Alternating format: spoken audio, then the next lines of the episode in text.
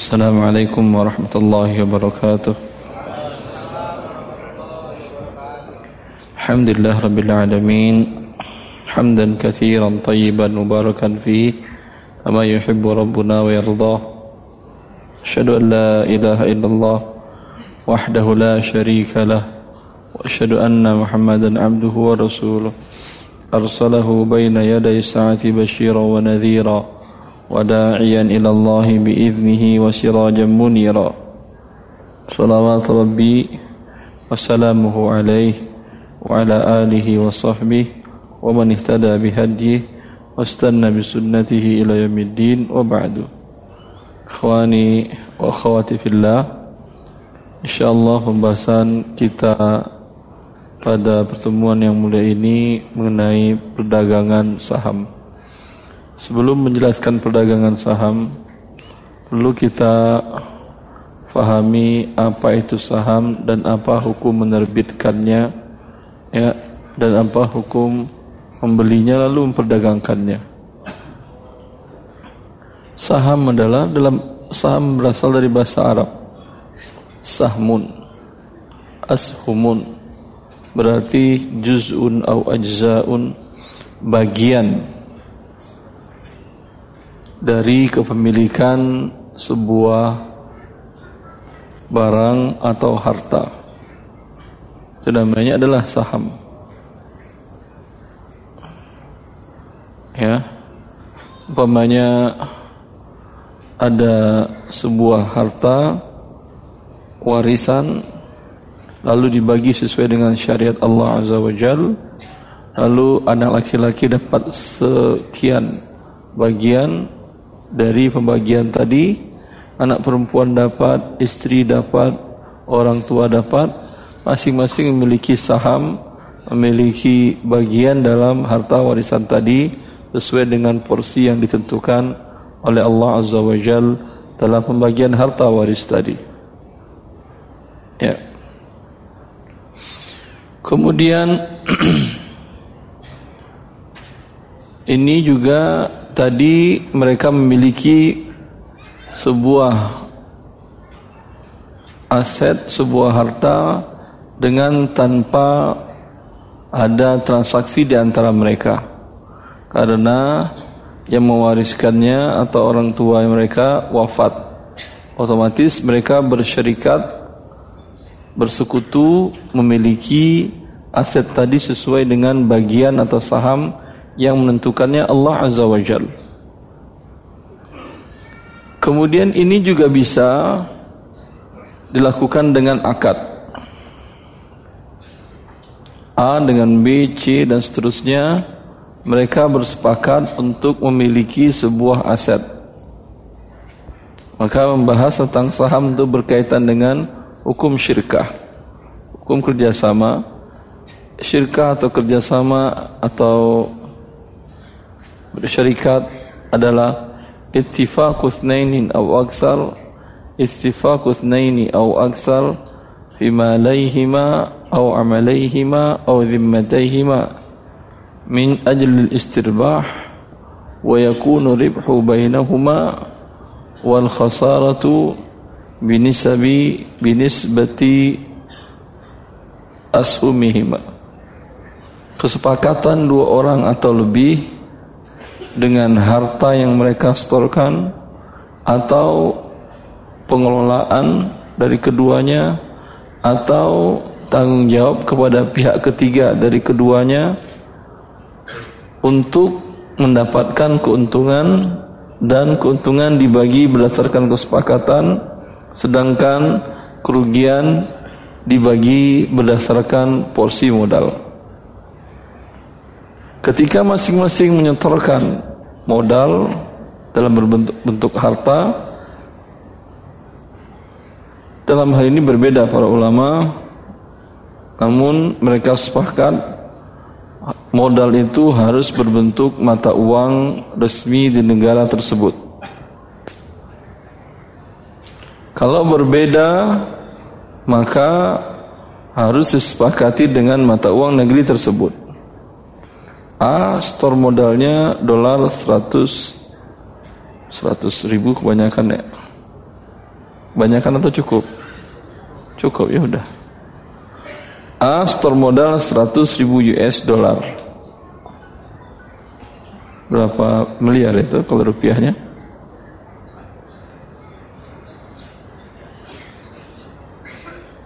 Hah?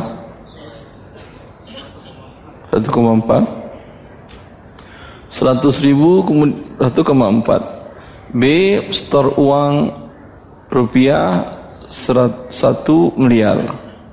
C store emas 1 kilo atau 2 kilo. Ya. Ini tidak boleh.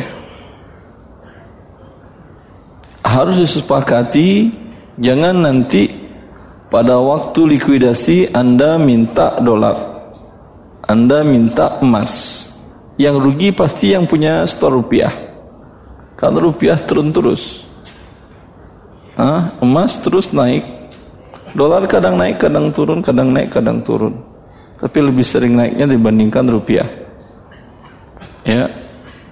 Maka akan terjadi kezaliman kepada salah satu pihak Terutama di sini yang akan terzolimi adalah yang punya rupiah. Andai dia store, andai mereka bekerja sama ini sebelum terjadi krisis moneter besar-besaran di Indonesia tahun 98, 97, 98, 94. 94 satu miliar besar. Ya.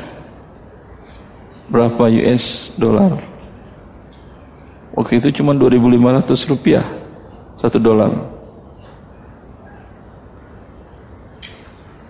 Berapa USD itu? Satu miliar dibagi 2.500 berapa? 250 ribu USD. Kalau tadi 100 ribu kan ya, ya 250 ribu ketika nanti terjadi krisis dia minta kata dia modal saya kan dulu dolar. Kamu modal kamu kan rupiah. Ya satu miliar waktu itu sudah berbeda dengan satu dolar. Maka terjadi kezaliman. Oleh karena itu sepakat para ulama dalam akad syirkah tadi kerjasama tadi bersyirikat tadi masing-masing harus semuanya harus sepakat ini dinilai dengan apa. Ada yang store tadi rupiah. Kalau rupiah memang mata uang negeri tempat umpamanya usaha itu e, berdomisili atau bertempat. Ada yang store dolar ada yang store emas kilo atau dua kilo. Disepakati pada waktu itu 2500 per US dollar berarti Anda store sama rupiah sebanyak dua tadi dia store berapa? 100 ribu kan ya? Berarti sama dengan nah berapa juta di waktu itu? 250 juta. Dia kan store 1 juta dolar US di tahun 94, 1 juta dolar US itu berapa rupiah?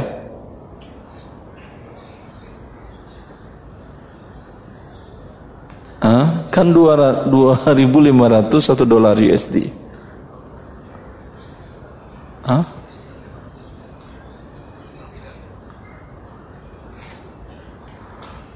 Seratus dia store seratus ribu US di tahun 94 itu dinilai dengan rupiah pada waktu itu per dolarnya 2500 kan ya berarti pada waktu itu berapa rupiah 250 juta kan ya?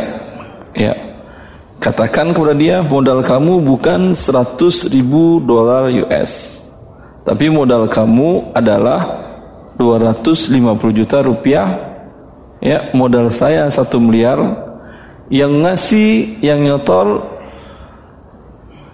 emas 2 kilo. Di waktu itu emas berapa per gramnya? 94 coba lihat 94 berapa biar selesai nanti antum kelahi datang ke saya pusing saya sebelum kelahi sepakati dulu berapa Harga emas per gram sekilo per gramnya berapa waktu itu? 200 ribu? 20 ribu? Per gram 20 ribu 95 tadi kan ya 50 ribu per gram. Berarti kalau 2 kilo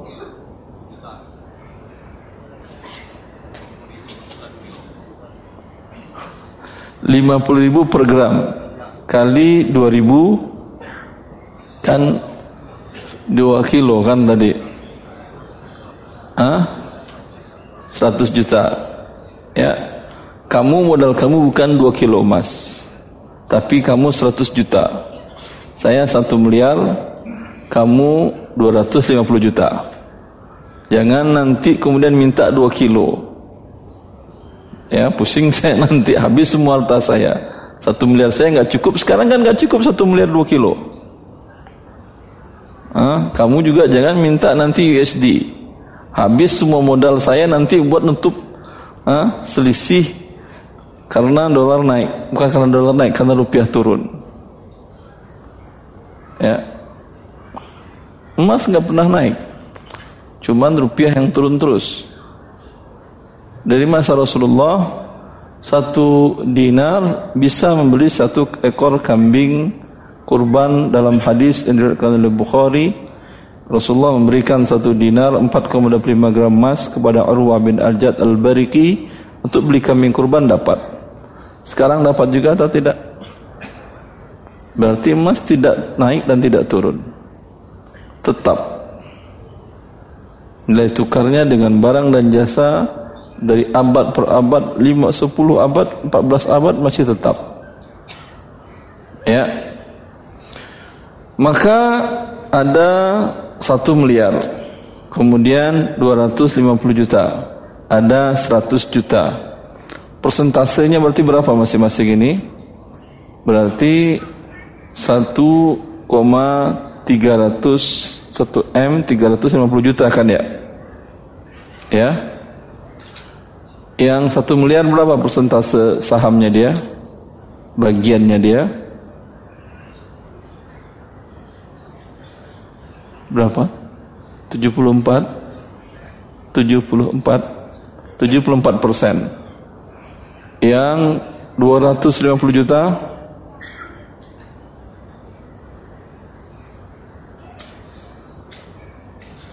Berapa sahamnya dia? 18 persen. Yang 100 juta yang 2 kilo emas 7 persen cuman 7 persen. Jelas ini namanya saham bagian-bagian.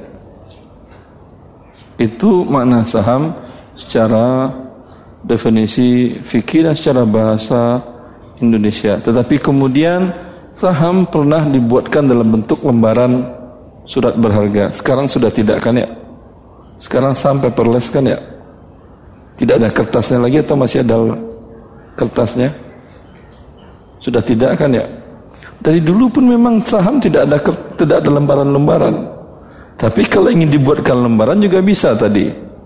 Kamu di perusahaan ini punya 74 persen bagian saham. Saham itu artinya bagian. Ya, yang mana yang bagian saya ini? Yang lantai atas, lantai bawah, lantai tengah? Hah? Semua lantai kamu punya 74 persen. Kemudian ini yang meja, yang kursi, yang perabot yang mana punya saya? Tidak ada yang punya kamu. Di sini kamu punya 74 persen. Di sini kamu punya 74 persen. Kalau ini aset perusahaan, ini kamu di sini juga 74 persen. Di tiang bendera ini kamu 74 persen. Ya, Jelas? Begitu juga yang 18 persen, begitu juga dengan yang terakhir berapa? 10? 7 persen. Ini dia yang saham. Jelas? Ya.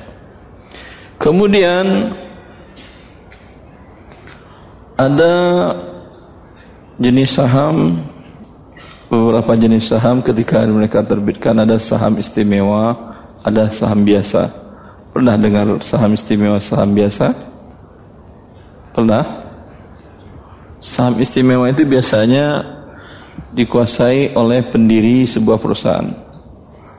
Abdullah dengan Ahmad bertiga dengan Abdurrahman mereka bersepakat tadi kan ya kamu modal kamu tadi satu miliar rupiah kamu modal kamu 100 ribu dolar US tapi sama dengan 250 juta rupiah. Kamu modal kamu 2 kilo emas tapi sama dengan 100 juta rupiah. Ya. Ini kita bertiga memiliki saham istimewa di perusahaan ini. Kalau ada orang yang ikut boleh, tapi nilainya saham, tapi saham mereka namanya saham biasa. Ya, ada teman yang ikut dia ingin juga mengembangkan hartanya, dia punya uang daripada saya taruh di bank hukumnya riba dan saya berdosa. Lebih baik saya ikut di usaha Anda ini, saya store umpamanya 200 juta rupiah atau 100 juta rupiah. Mereka bertiga mengatakan boleh. Tapi dengan syarat sahammu saham biasa. Kami bertiga saham istimewa. Ada lagi kerabat yang satu ingin ikut karena lihat prospeknya bagus dan mulai kelihatan untungnya lumayan. Ya, yang lain banyak ikut. Mereka jawab boleh, cuman saham kalian saham biasa. Saham kami bertiga ini saham istimewa. Apa ditanya oleh mereka apa keistimewaannya? Apa keistimewaannya biasanya? Apa?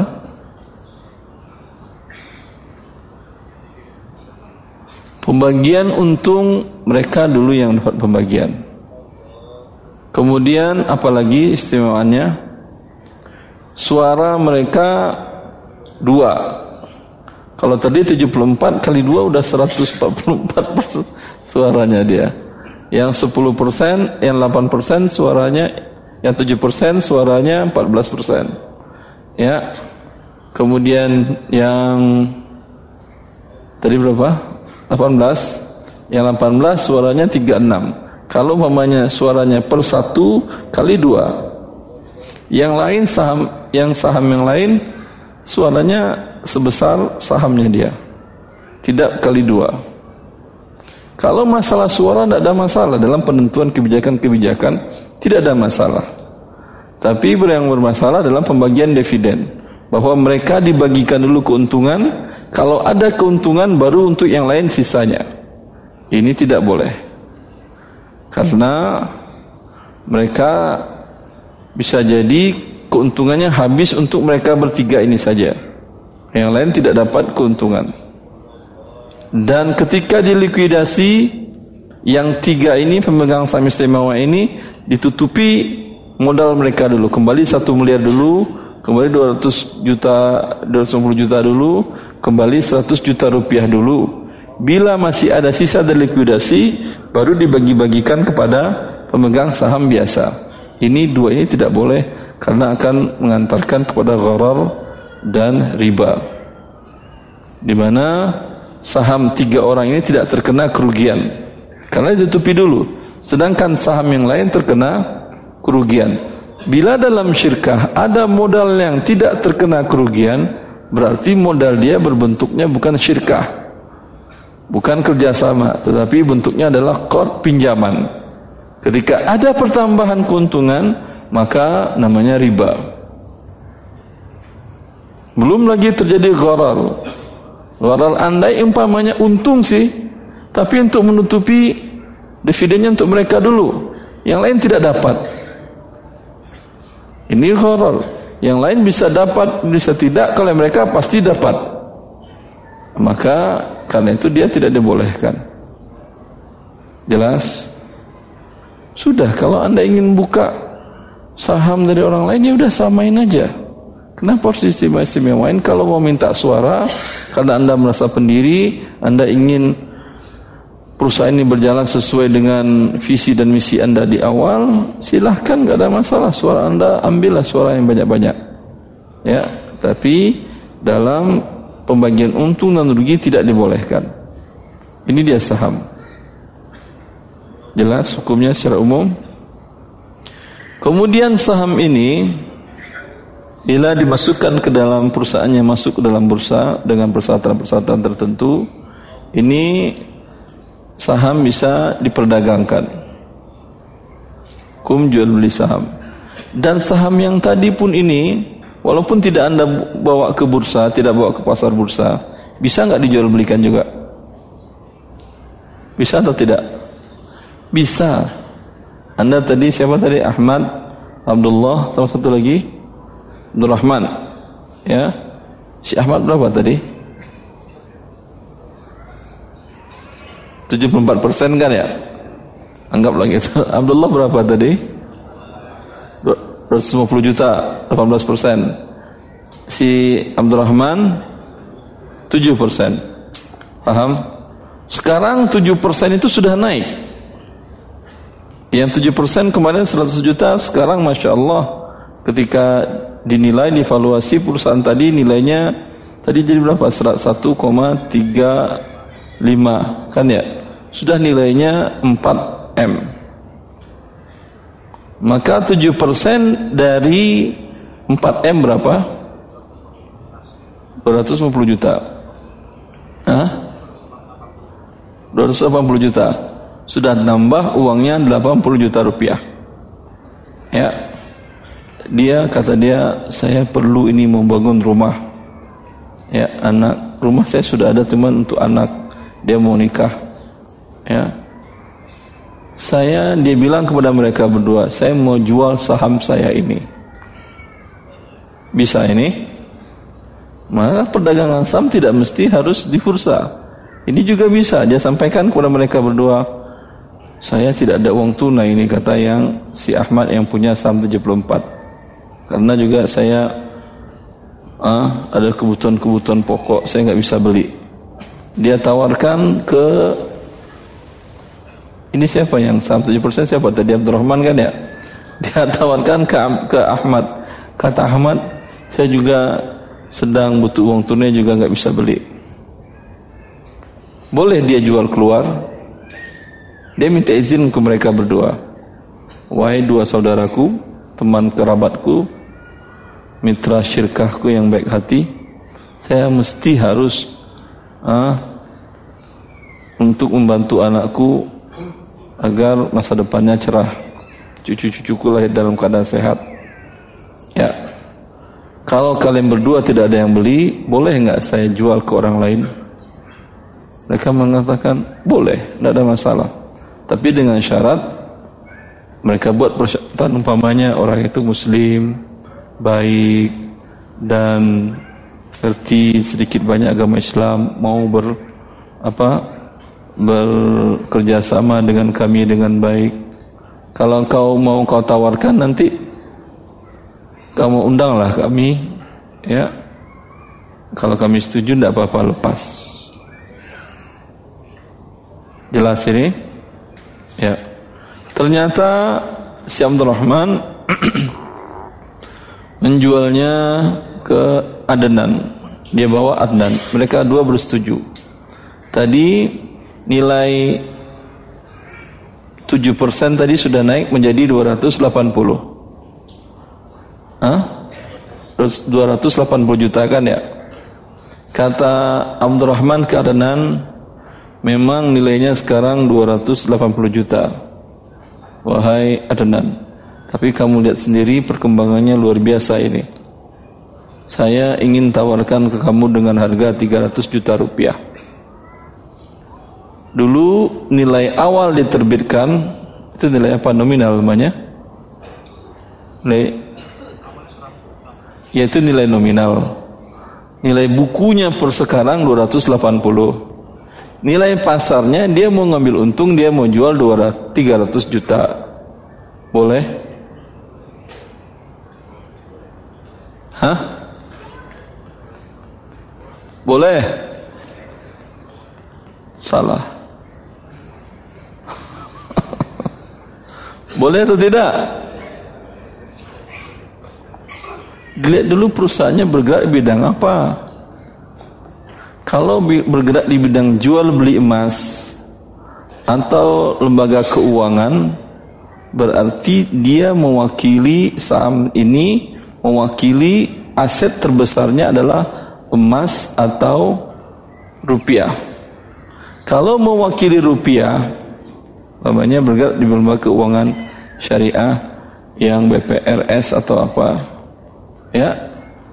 Kalau mewakili rupiah, dia tidak boleh dijual lebih dari nilai buku. Syarat pertama. Syarat kedua, karena tukar rupiah dengan rupiah apa syaratnya? Sama dan tunai. Harus bayar cash 280 juta sekarang nggak boleh sore. Ya, transfer sekarang juga. Jelas? Tinggal lagi nanti nama si Adnan dicatatkan di notaris dinotarilkan. Diganti nama Abdurrahman. Begitu kan ya? Kalau perusahaannya ber, bukan bergerak, kalau bergerak di bidang emas atau perak atau mata uang lain selain rupiah, ini boleh dia jual lebih dari nilai buku. Karena menukar rupiah dengan emas syaratnya yang penting harus berapa syaratnya? Dua apa tiga? Satu, nggak ada dua apa tiga satu syaratnya. Yaitu harus tunai, ya dan biadin. Tidak boleh Adnan beranjak dari ruangan ini melainkan dia sudah serahkan kepada Abdurrahman sebanyak 280 juta boleh, 300 juta boleh juga. Bila perusahaannya saham ini bukan mewakili emas dan perak, tapi mereka berada di bidang umpamanya uh, sembako uh, distributor besar beras se Jakarta Selatan umpamanya. Ya. Ini boleh dia jual dengan 300 juta dan boleh dicicil. Kata Anan kalau cash sekarang 300 juta saya nggak punya. Tapi kalau kamu mau, kan kamu beli rumah. Kan bisa juga kau beli dengan cicil. Saya bayar 100 juta sekarang, 100 juta bulan depan, 100 juta bulan ketiga saya lunasi. Jelas? Jelas ini? Ya. Baik, itu secara umum tentang saham tadi. Dalam pembagian waris juga begini. Seperti dalam kasus tadi, tadi kasus warisnya gimana tadi itu? Dibagi berapa tadi hartanya? Coba siapa yang sedang ada kasus waris tanyakan. Ada kerabat yang baru meninggal, saya bagi warisnya nanti cara pembagian hartanya kita bagi dengan saham. Tunjuk tangan. Ada antum yang bapaknya, ibunya, kakeknya baru meninggal? Dimik, dimik. Yang meninggal siapa? Assalamualaikum Ustaz. Uh, beberapa waktu yang meninggal ayah saya. Uh, sudah meninggal ayah antum. Ya. Is, siapa nama ayah anda? Uh, nama ayah saya Heri. Pak Heri. Ya. Semoga Allah mengampuni dosa-dosanya. Amin. Ya Allah. Dan Allah memberikan tempat di dalam surganya yang mulia. Amin. Pak Heri ini ketika wafat, istri beliau masih hidup? Uh, masih Ustaz. Istrinya dapat seperdelapan.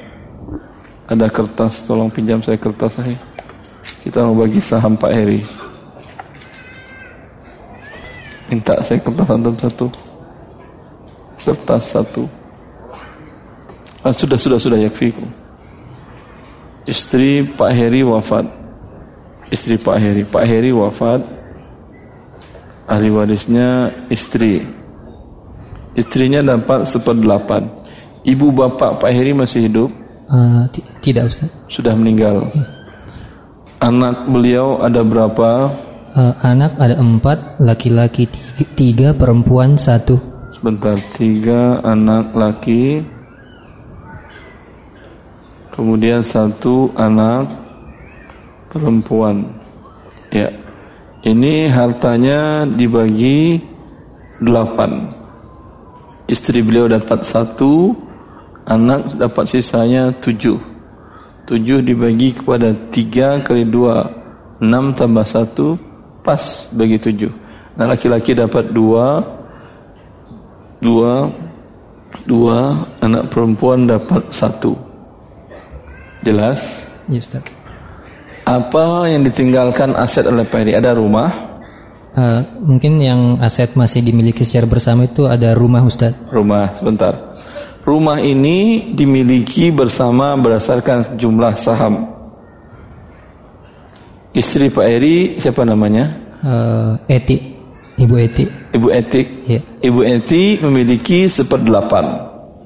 Kalau rumah ini disewakan, dia mendapat satu bagian dari harga sewa. Disewa umpamanya per bulan dengan nilai 8 juta, Ibu Etik dapat 1 juta. Masing-masing anak laki-laki Pak Heri dapat 2 juta, 2 juta, 2 juta. Anak perempuan Pak Heri mendapat 1 juta. Jelas? Yes, Ustaz. Kalau dijual juga seperti ini. Kalau digusur juga seperti ini. Kalau kemudian ada yang salah satu kata eh, anak laki-lakinya yang satu orang yang dua bagian kata dia ini rumah posisinya di pinggir jalan besar. Kenapa tidak kita jadikan saja menjadi rumah toko atau ruko?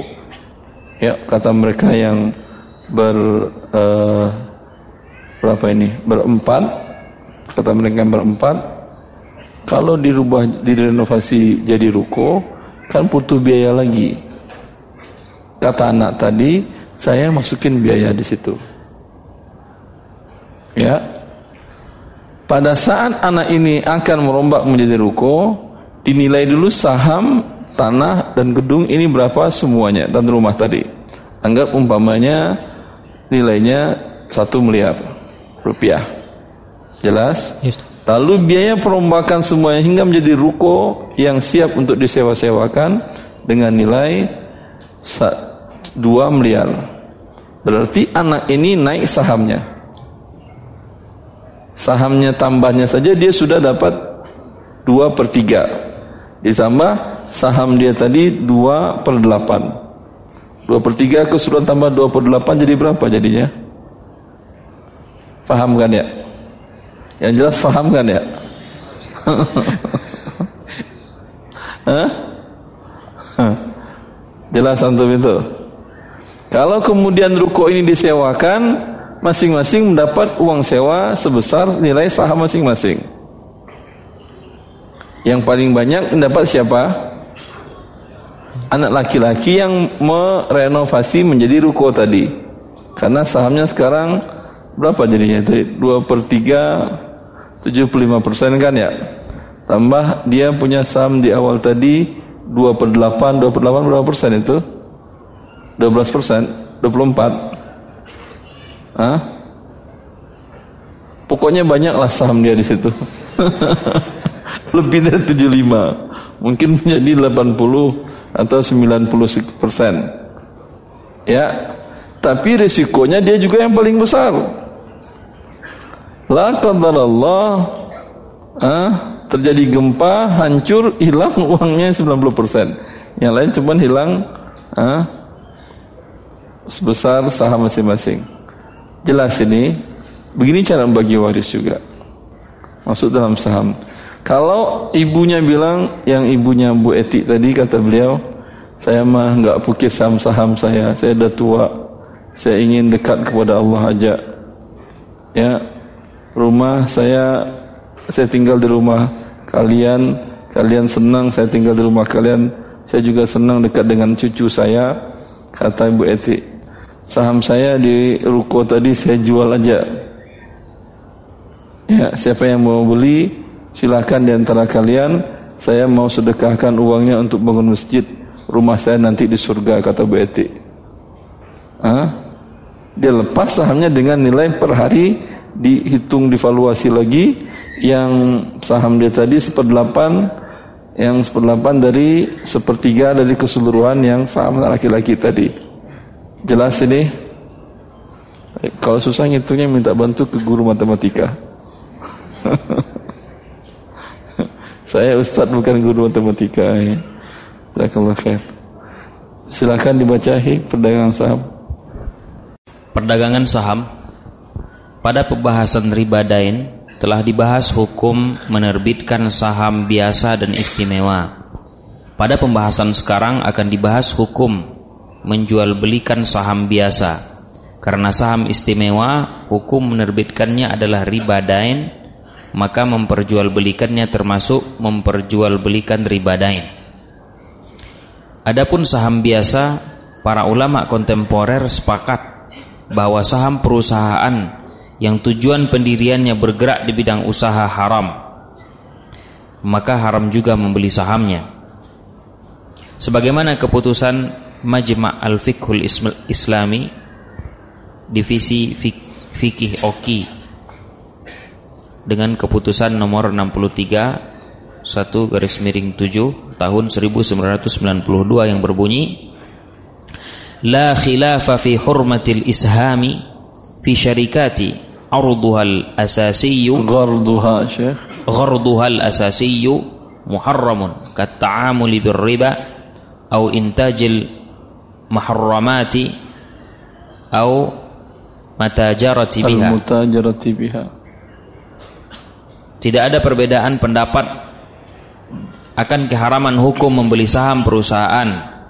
Tujuan pendiriannya bergerak di bidang haram, seperti perusahaan ribawi, perusahaan yang memproduksi barang haram, atau perusahaan yang memperdagangkan barang haram. Juga keputusan Al-Majma' Al-Majma' Al-Fiqhul Islami Divisi Fikih Rabitah Al-Alam Islami.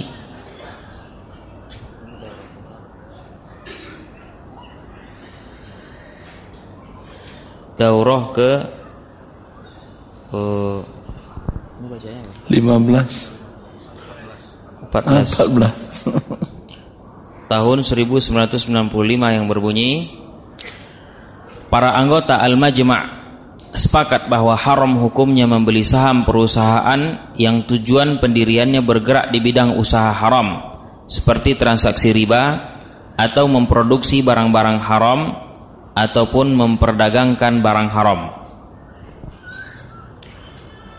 Dewan Syariah Nasional lebih merinci tentang kegiatan usaha perusahaan yang diharamkan dalam fatwa nomor 20 DSN MUI 4 2001 tentang pedoman pelaksanaan investasi untuk reksa dana syariah bab 4 pasal 8 yang berbunyi jenis kegiatan usaha yang bertentangan dengan syariah Islam antara lain adalah A. Usaha perjudian dan permainan yang tergolong judi atau perdagangan yang dilarang B. Usaha lembaga keuangan konvensional ribawi termasuk perbankan dan asuransi konvensional C usaha yang memproduksi, mendistribusi serta memperdagangkan makanan dan minuman yang haram. D.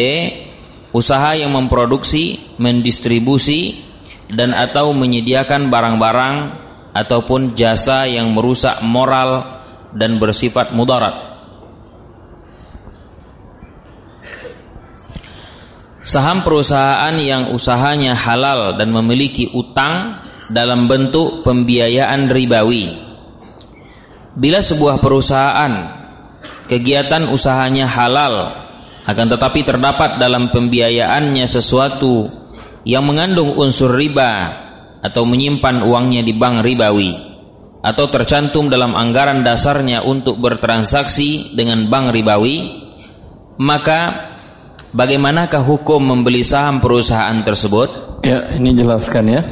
Kalau tadi perusahaannya memang bergerak di bidang yang haram, bidang riba atau memproduksi atau mendistribusikan sesuatu yang haram, ini haram Anda beli saham perusahaannya. Saham perusahaan rokok boleh dibeli? Rokok makruh apa haram? Haram. Haram. Hah? Haram. Iya, memang haram. Ya. Memang haram ulama dunia bersepakat mengharamkannya. Sebelum ulama dunia bersepakat, WHO Organisasi Kesehatan Internasional melarang rokok. Artinya mengharamkan rokok mereka. Ya. Dan produksi-produksi barang yang haram ini haram dibeli sahamnya.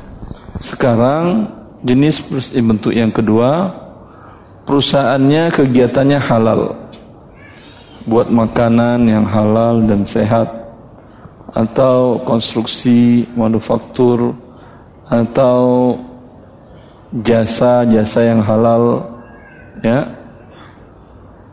Jasa pengiriman punya jasa yang halal. Akan tetapi masalahnya adalah untuk permodalannya ketika kurang umpamanya dana mereka ada kredit dari bank ribawi. Ada pinjaman dengan secara riba atau mereka menempatkan dananya yang berlebih mereka tempatkan di lembaga ribawi atau di bank riba jelas ini yang kedua ini ini berbeda para ulama tentang hukum membeli sahamnya dan menjualkannya juga tentu. Ya. Terus. Para ulama kontemporer berbeda pendapat dalam hal ini. Pendapat pertama, boleh membeli saham perusahaan jenis ini dengan syarat A. Tetap meyakini haram hukumnya transaksi riba B tidak tercantum dalam anggaran dasar perusahaan pasal yang menyatakan bahwa perusahaan akan melakukan transaksi pembiayaan ribawi. C. Besarnya pinjaman dalam bentuk riba tidak lebih dari 30% modal keseluruhan perusahaan. D. Besarnya uang yang disimpan pada bank ribawi tidak lebih dari 30% modal keseluruhan perusahaan. E.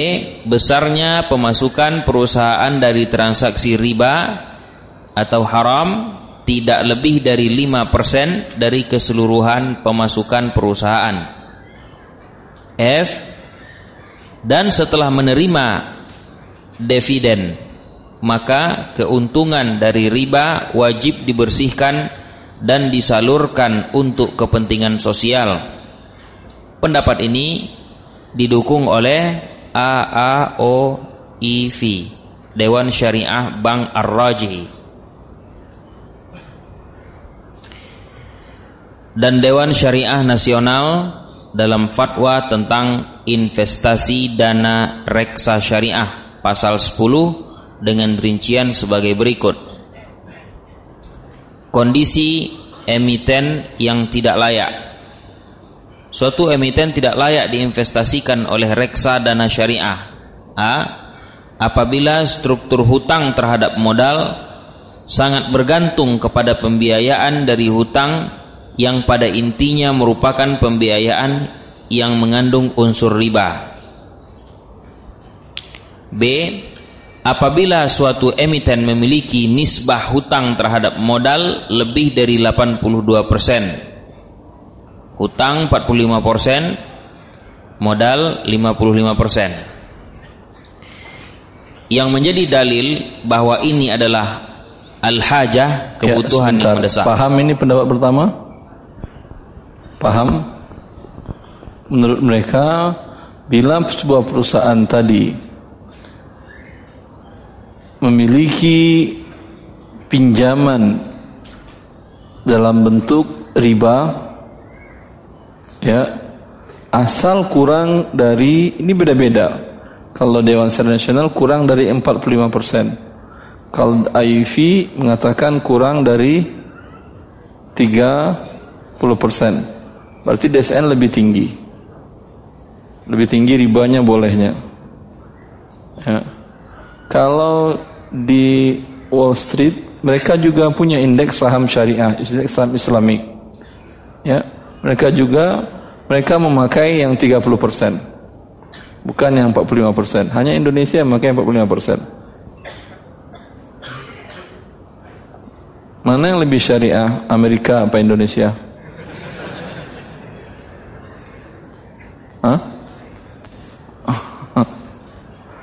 Kalau ada riba ya tidak ada syariahnya, okay. Taib. Cuman ini ribanya lebih besar, ini ribanya lebih kecil, hanya itu aja. Tapi syariahnya tidak lah. Taib. Kenapa mereka beralasan masih boleh? Ya, cuman ada ketentuan berupa catatan bila tidak ada dalam akta pendirian perusahaan itu pasal yang menyatakan bahwa perusahaan dibolehkan melakukan kredit ke bank konvensional untuk menambah modal. Bila ini ada, coret tidak boleh Anda beli sahamnya. Karena bila ada pernyataan ini, walaupun nol pinjaman ribanya, kalau Anda beli sahamnya, berarti Anda menyetujui wakil Anda karena perusahaan itu direksi perusahaan adalah wakil Anda sebagai pemilik untuk mengelolanya. Berarti Anda mewakilkan ke dia, ya udah kau pinjamlah dengan cara riba. Itu sudah berdosa Anda. Allah mengharamkan riba, Anda menghalalkan riba dalam akta pendirian tadi. Kan bukan saya yang buat Ustaz. Ya, bukan Anda, tapi ketika Anda beli sahamnya berarti Anda setuju. Allah mengharamkan riba, Anda setuju riba. Ya. Ini jangan dicampur aduk. Eh, gimana kita hidup lagi nih Ustaz? Mau kerja di mana kita? Semua perusahaan pasti mau BUMN, mau bukan BUMN pasti ada kredit ribanya. Ya. Kalau Anda karyawan yang tidak berhubungan dengan transaksi riba ini, bukan di bagian keuangan yang mengajukan proposal pinjaman riba dan mengurus pembayaran ribanya ada di bagian lain bagian IT tidak ada berhubungan dengan ini. Atau di bagian servis dan bagian yang lain. Ya tidak ada masalah. Boleh. Ya jelas? Karena uang riba yang dipinjam perusahaan tadi itu adalah halal. Berarti gaji kita ada dari pinjaman riba Ustaz. Yang berdosa adalah yang minjamnya, uangnya uang halal. Ini menurut pendapat jumhur para ulama. Tapi mohon maaf kalau pendapat Syafi'i tidak boleh sama sekali. Berarti kalau berdasarkan pendapat Syafi'i ya udah Anda resign aja. Imam Nawawi mengatakan seperti itu. Imam Nawawi mengatakan bahwasanya akad pinjaman yang ada persyaratan ribanya akad pinjamannya batal dan uang tidak halal di peminjam dan wajib dikembalikan secepatnya kepada pemberi pinjaman. Jelas? Berarti tidak boleh Anda digaji dengan pinjaman riba tadi. Bagaimana PNS Ustaz? Ya saya nggak tahu, itu kan pendapat Syafi'i bukan pendapat saya. Kalau Anda berpegang kepada pendapat Syafi'i ya berarti Anda juga resign dari PNS karena gaji Anda dengan pinjaman uang riba. Ya. Dalam menurut jumhur para ulama, mayoritas para ulama, mereka menjelaskan ini dua akad yang terpisah. Ada akad pinjam meminjam, kemudian ada persyaratan bunga riba. Akad pinjam meminjamnya sah, yang haramnya adalah ribanya. Jelas? Maka uang tadi digunakan untuk membayar karyawan, untuk operasional perusahaan, uangnya sih adalah halal. Ini mayoritas para ulama mazhab Hanafi, Maliki, Hambali. Ya, saya tidak dengki dengan mazhab mana pun, cuman yang berpegang teguh kepada mazhab siap-siap. Hari Senin untuk desain.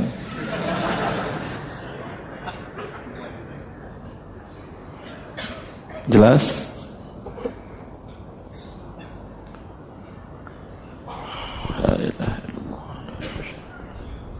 Terus? Yang menjadi dalil pendapat ini adalah al-hajah kebutuhan yang mendesak. Akan keberadaan perusahaan yang modalnya berasal dari saham masyarakat yang bergerak di bidang telekomunikasi listrik, air bersih, perkebunan, peternakan, angkutan umum, darat, laut, dan udara. Perusahaan jenis ini membutuhkan modal yang sangat besar dan hampir tidak mungkin modal tersebut berasal dari sekelompok orang tertentu Biasanya para pengelola perusahaan tersebut adalah orang-orang yang tidak mengerti aturan syariat dalam hal muamalat. Sehingga tidak menutup kemungkinan bahwa mereka akan melakukan transaksi dengan bank ribawi dalam hal simpan pinjam dan sebagainya. Maka bila membeli saham perusahaan tersebut dihukumi haram, dikhawatirkan kebutuhan umat akan jasa dan produk yang diberikan perusahaan tersebut tidak terpenuhi sehingga kehidupan umat di era modern akan menjadi tidak tertata dan tidak berbudaya. Iya, kata mereka sekarang perusahaan-perusahaan TBK yang melayani dan mensuplai kebutuhan pokok umat kaum muslimin di dunia itu semuanya ya ada kredit ribawinya.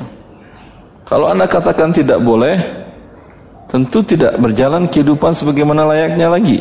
Tutup telekomunikasi, tutup listrik, tutup air bersih. Emang kamu mau kembali ke zaman zaman apa? Zaman sebelum ada ditemukan itu semua. Ya. Ini alasannya tidak kuat. Ini alasan tidak kuat. Coba apa tanggapan saya? Baca di situ. Tanggapan. Dalil ini tidak kuat karena sebagian emiten perusahaan yang modalnya berasal dari saham masyarakat memang dibutuhkan dalam kehidupan umat. Namun sebagian lagi tidak demikian halnya. Maka menyamaratakan hukum boleh untuk semua emiten tidaklah tepat.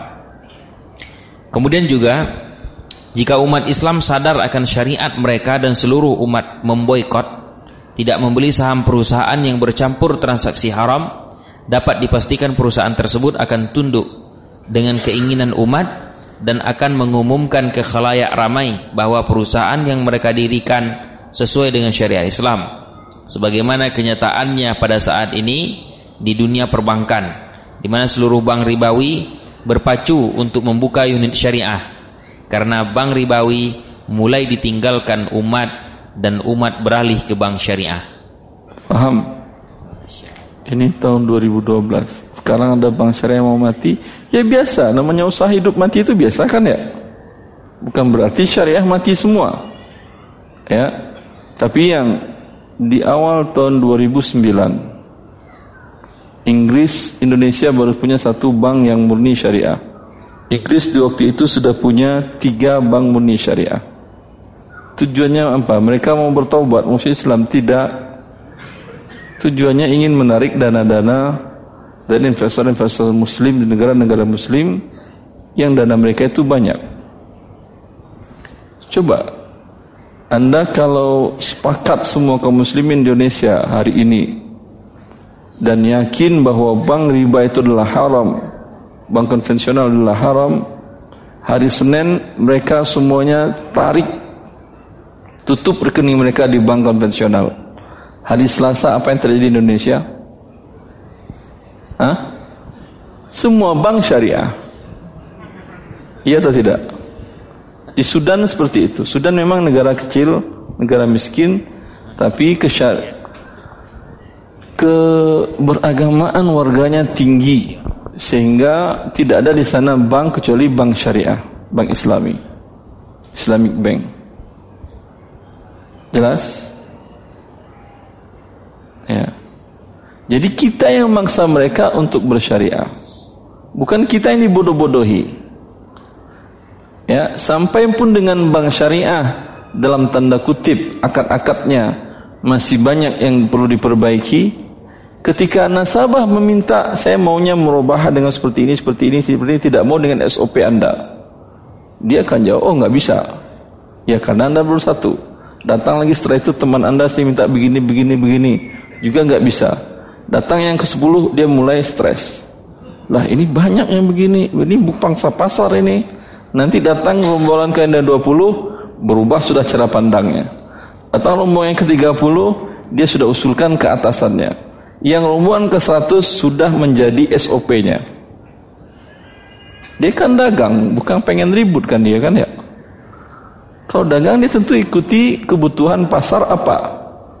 Kalau pasar membutuhkan yang murni syariah, pasar mengerti agamanya, ya, otomatis semuanya walaupun mereka bukan non muslim, mereka akan buat syariah. Seperti sekarang logo halal untuk kuliner. Banyak Anda lihat perusahaan-perusahaan menghasil membuat makanan, produsen makanan-makanan yang tidak ada hubungan dengan Islam tapi logo halalnya lebih besar daripada aroma makan yang punya orang muslim. Daripada warteg dari warung padang lebih besar logo halalnya mereka. Karena kebutuhan pasar mereka mau jualan.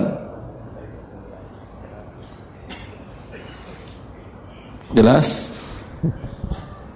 terus tapi kalau anda yang muslim tunduk, ya udah selamanya anda akan ah, diperalat oleh syaitan dan menjadi budak syaitan. Terus. Pendapat kedua, haram hukumnya membeli saham perusahaan yang kegiatan usahanya halal akan tetapi terdapat dalam pembiayaannya sesuatu yang mengundung yang mengandung unsur riba atau menyimpan uangnya di bank ribawi atau tercantum dalam anggaran dasarnya untuk bertransaksi dengan bank ribawi. Pendapat ini merupakan keputusan berbagai lembaga fikih internasional di antaranya A. Majma' Al-Fiqh Al-Islami Divisi Fikih Oki dengan keputusan nomor 63 1 garis miring 7 tahun 1992 berbunyi Al-aslu hurmatul ishami fi syarikati tata'amalu ahyanan bil muharramati karriba wa nahwihi birraghmi min anna anshitataha al-asasiyata masyru'atun Haram hukumnya membeli saham perusahaan yang terkadang melakukan transaksi yang diharamkan seperti riba sekalipun kegiatan usaha perusahaan tersebut bergerak di bidang yang dihalalkan. B. Al-Majma' Al-Fiqhi Al-Islami. Divisi Fikih Rabitah Alam Al-Islami. Dalam keputusan Muktamar ke-14 di Mekah pada tahun 1995 yang berbunyi Seorang muslim tidak boleh membeli saham milik perusahaan yang sebagian transaksinya dalam bentuk riba. C Lembaga Fatwa Kerajaan Arab Saudi nomor fatwa 11967 yang berbunyi tidak boleh membeli dan menjual saham milik perusahaan yang di antara transaksinya mengandung riba dalam hal simpan pinjam. Dalil dari pendapat ini bahwa hubungan antara pemegang saham dan perusahaan adalah akad wakalah di mana status pemegang saham sebagai mewakil pihak yang mewakilkan dan perusahaan sebagai wakil. Maka jika seorang muslim tahu bahwa sebuah perusahaan melakukan transaksi riba dan tetap membeli saham perusahaan tersebut sesungguhnya ia mewakilkan kepada perusahaan tersebut untuk melakukan transaksi riba. Ini pertanda bahwa ia menyetujui transaksi riba sekalipun mulut dan hatinya mengatakan tidak. Dan teks-teks Al-Quran dan hadis jelas mengharamkan riba sekalipun sedikit. Wallahu a'lam. Pendapat kedua yang mengharamkan untuk membeli saham perusahaan yang kegiatan usahanya halal akan tetapi sebagian transaksinya terdapat hal yang diharamkan lebih kuat. Karena bila halal bercampur dengan yang haram maka hukum haramnya lebih dominan seperti air bersih bercampur dengan najis. Ya cukup. Silahkan yang mau bertanya. Assalamualaikum warahmatullahi wabarakatuh Assalamualaikum warahmatullahi wabarakatuh Semoga Allah memberi keberkahan kepada Ustadz dan seluruh jamaah. Allah. Uh, uh, mohon izin bertanya Ustadz terkait dengan OVO dan OVO. semacamnya. Uh, saya mendengar penjelasan dari Ustadz bahwa haram menggunakan uh, jasa OVO apabila disertai dengan potongan harga. Uh, yang ingin saya tanyakan Ustadz, uh, mohon maaf sebelumnya kalau sebut merek, saya sering menggunakan uh, Grab, Grab bike Ustadz. Tapi selama ini saya menggunakan cash. Uh, belakangan uh, setelah utak-atik saya melihat bahwa ada opsi untuk menggunakan pembayaran OVO namun diskonnya bisa dicabut atau dilepas Ustadz walaupun uh, sebenarnya masih ada keuntungan tambahannya yaitu apabila kita menggunakan pembayaran OVO walaupun mungkin tanpa potongan harga tanpa diskon uh, reward customer pointnya lebih besar uh, dibandingkan dengan reward membayar dengan cash. Um, yang ingin saya tanyakan Ustadz uh, mungkin ada dua sih tapi semuanya terkait dengan ini.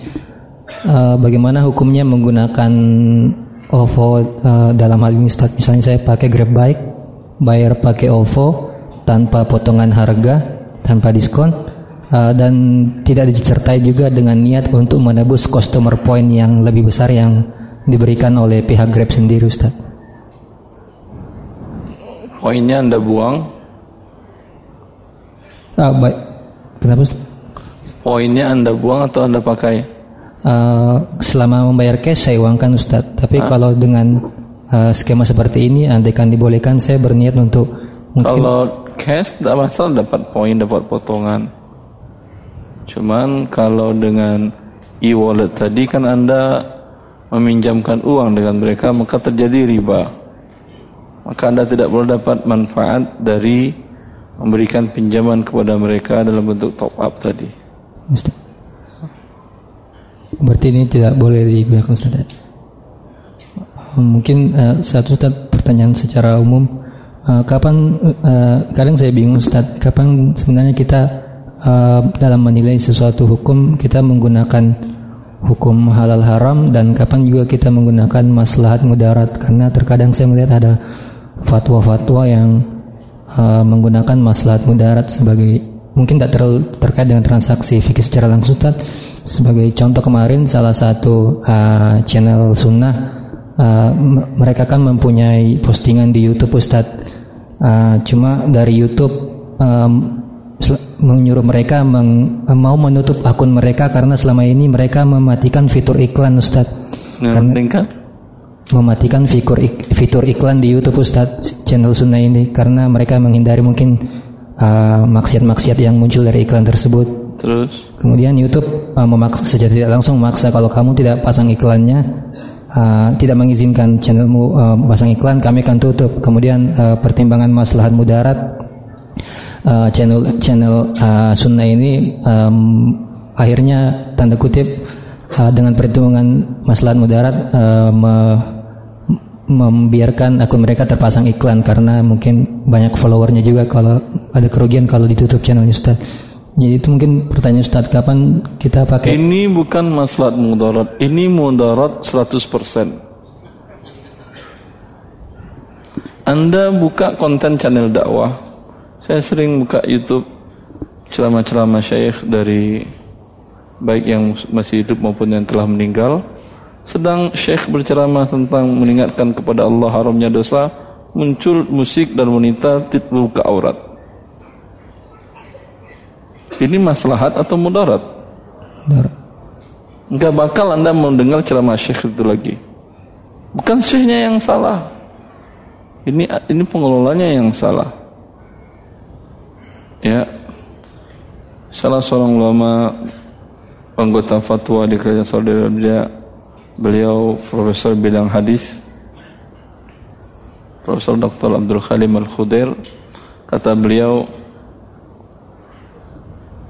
dulu aku punya jihaz handphone yang lama yang namanya kan Rabia bodoh kalau sekarang kan smart pintar tadi ya tapi ketika aku buka yang pintar ini muncul musik, muncul nita buka aurat. Ya udah, biarlah saya jadi bodoh kembali daripada saya dapat maksiat. Saya matiin ha? handphone yang pintar tadi, pintar mengajarkan saya maksiat. Ya, padahal kalau anda berpikir kan ini banyak manfaatnya segala macam segala macam. Jelas. Saya tidak ikut campur itu keputusan mereka, tapi menurut saya seperti itu. Wallahu a'lam. Tidak ada kalau sebuah dosa tidak ada manfaat mudaratnya. Sebuah dosa kan haram. Ya. Dan tidak pun di channel tersebut yang Anda sebutkan tadi kalau semua channel-channel Islam memboikotnya, besok mereka yang angkat tangan. Sama seperti yang tadi. Wallah ta'ala Berarti pembahasan masalah mudarat itu pembahasan lain Ustaz ya? Jazakallah khair. Yang ada timbang menimbang masalah itu di antara dua maslahat. Antara kemudian mafsadah dan maslahatnya itu ditimbang kalau mafsadahnya besar. Ini jelas maslahatnya jadi hilang dengan mafsadahnya. Wallahu taala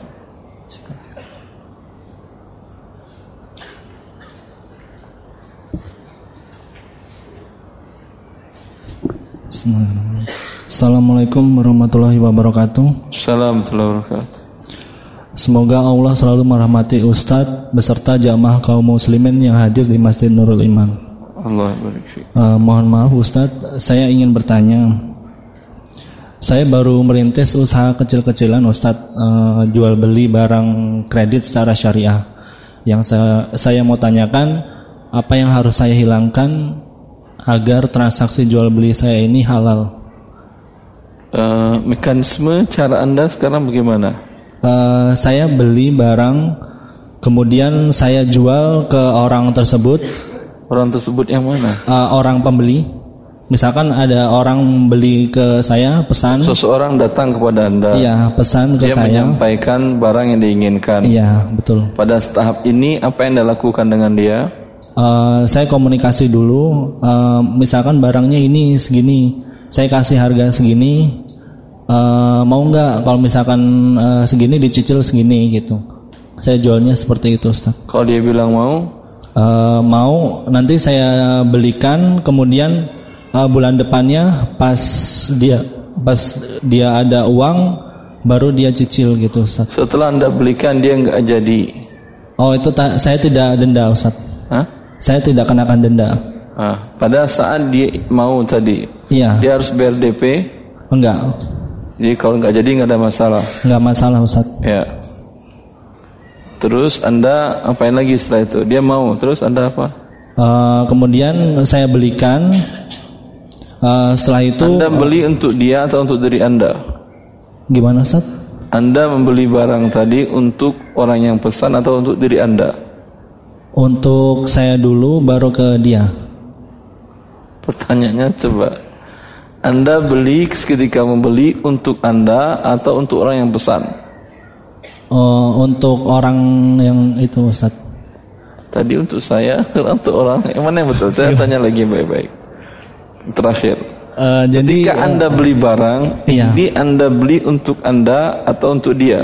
Kalau umpamanya ada tanda bukti tanda bukti atas nama anda atas nama dia atas nama kalau ada balik nama segala macam atas nama anda atau atas nama dia oh ada uh, ada kasus saya jual motor Ustadz nah itu atas namanya langsung ke dia Ustadz BPKB-nya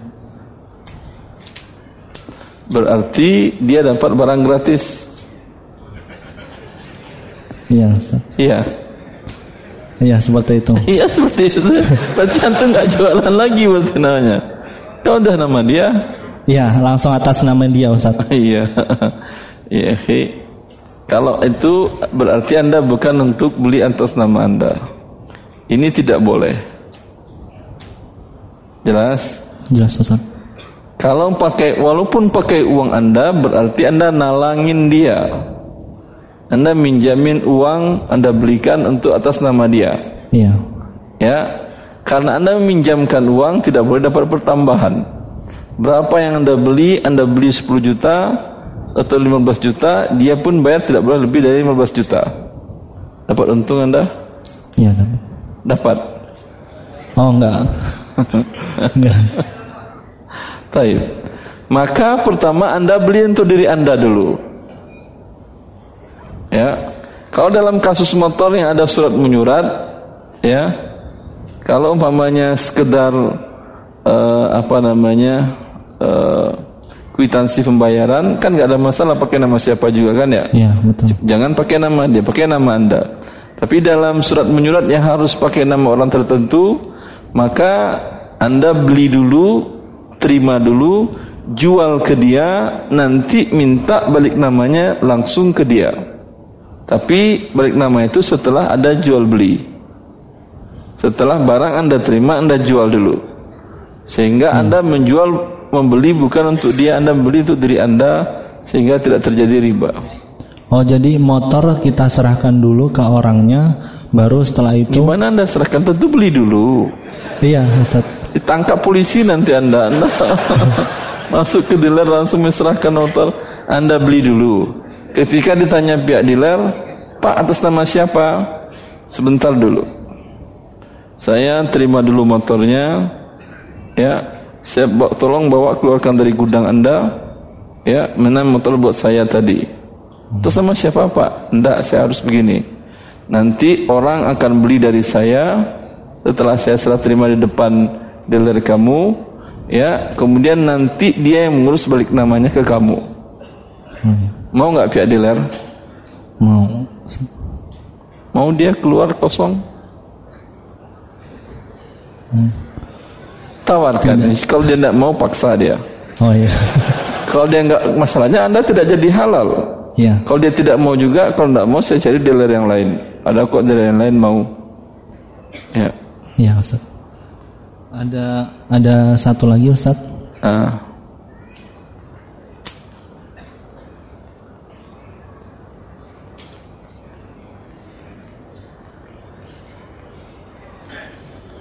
Uh, apa yang dimaksud dengan jual beli harga ah, jual beli dua harga itu yang dilarang Rasulullah Ustaz?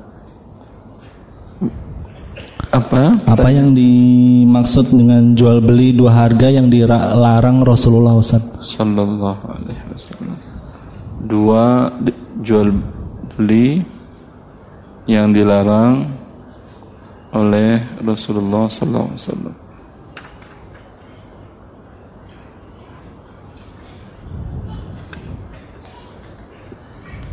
Lihat halaman 424 Catat halamannya 200 424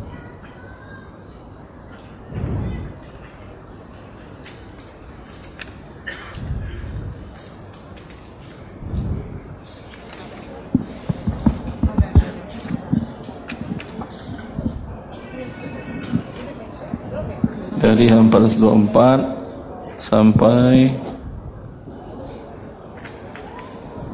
430 ada enam halaman. Oh iya cukup jelas di sana. Maksudnya bukan kalau tunai sekian karena anda akan menjual. Ini motor kalau tunai saya jual 17 anda beli tadi 15 kalau bayar nyicil berapa lama nyicil? Setahun kata dia. Saya jual 18 atau atau 19 dia setuju. Berarti ini dua harga apa satu harga? Satu. Dua penawaran atau tiga penawaran harga tetapi bersepakat dengan satu harga. Tidak termasuk dalam larangan hadis tadi. Ya Allah taala Terima kasih Ustaz. Jazakallahu khairan atas jawabannya. Assalamualaikum warahmatullahi wabarakatuh. Assalamualaikum warahmatullahi wabarakatuh. Semoga Allah memberkahi Ustadz dan jamaah sekalian yang hadir di majelis ini. Allah. Pertanyaan Ana, Ana menjual rumah warisan dari ayah Ana. Di, Siapa? Warisan dari ayah. Ana menjual rumah warisan dari ayah. Ya. Sudah diiklankan sejak tahun 2015, di tahun 2019 sudah ada pembeli. Uh, kemudian 2015 diiklankan. Ya, 2019 sudah ada pembeli. Selama empat tahun diapain? Uh, diiklankan saja Ustadz, tapi belum ada pembeli. Baru sekarang Alhamdulillah dapat pembeli. Enggak, Di, sebentar. Selama empat tahun tadi diapain? Dikosongkan Ustadz. Hanya oh. diiklankan saja, tidak dia tidak Kenapa tidak ditempatin atau disewakan? Uh, Enggak boleh. Ini nikmat Allah enggak boleh disia-siakan. Orang susah dapat tempat, Anda rumah Anda kosongin. Iya Ustaz. Kalau nggak ada yang mau nyewa dengan harga yang disepakati harga turun dikit lebih baik. Tidak ada juga ya udah tempat yang dia gratis yang penting bersihin. Dapat pahala kan Anda? Uh, ya. Berarti kalau untuk kesalahan berarti yang sebelumnya Anda lakukan ini kesalahan ya Ustaz ya empat tahun menganggur iya. dalam tanda kutip taubatnya bagaimana Ustaz? Bertaubat kepada Allah minta ampun. Baik. Uh, kemudian kan sudah ada pembeli di tahun ini 2019 uh, di dalam uh, draft pra pengikatan jual beli PPJB itu dituliskan nominal harga rumah yang tidak sama dengan harga yang sebenarnya disepakati antara saya dengan pembeli. Karena pembeli ingin mengecilkan pajak. E, dari kesepakatan bersama maka pajak penjual dan pajak pembeli semua ditanggung oleh pembeli. Maka pembeli e, bersepakat dengan notaris juga untuk merubah nominal uh, harga rumah yang dicantumkan dalam draft PPJB. Nah, yang seperti ini hukumnya bagaimana? Kemudian uh, pembeli ini Allah taala alam ini jelas bohong namanya kan ya. Jadi apa yang harus seharusnya kami lakukan bagaimana Ustadz? Tanyalah kepada notarisnya ada nggak solusi yang lebih baik yang legal diakui oleh negara. Saya sudah tanyakan apa ada solusi lain untuk mengecilkan pajak dari pihak notaris tidak ada selain dengan mengubah nominal harga. Ya, Begitu Ustaz. Ini, ini kan bohong. Lebih baik Anda tidak mau berbohong. Udah tuliskan aja apa adanya ya. Kalau uh, bila dituliskan apa adanya, konsekuensinya pajak yang akan ditanggung oleh si pembeli ini akan sangat besar karena menanggung dua pajak sekaligus, tiga bahkan tiga pajak sekaligus pajak balik nama waris, kemudian pajak penjual dan pajak pembeli dan kemungkinan si pembeli ini akan sangat uh, terberatkan dengan hal ini. Dari nominal harga yang dicantumkan di PPJB itu sudah lebih dari harga NJOP, Ustadz. Jadi rumah ini terjual dengan harga dua kali lipat dari harga NJOP dan dicantumkan di PPJB harga yang sedikit lebih tinggi dari NJOP tapi jauh lebih rendah dari harga asli yang kami sepakati. Tapi secara harga NJOP sudah melebihi begitu. Dan dari notaris sendiri tidak ada solusi lain untuk mengecilkan pajak selain dengan memanipulasi nominal harga e, rumah ini, begitu. Nah, jadi bagaimana Ustadz untuk e, PPJB-nya bagaimana?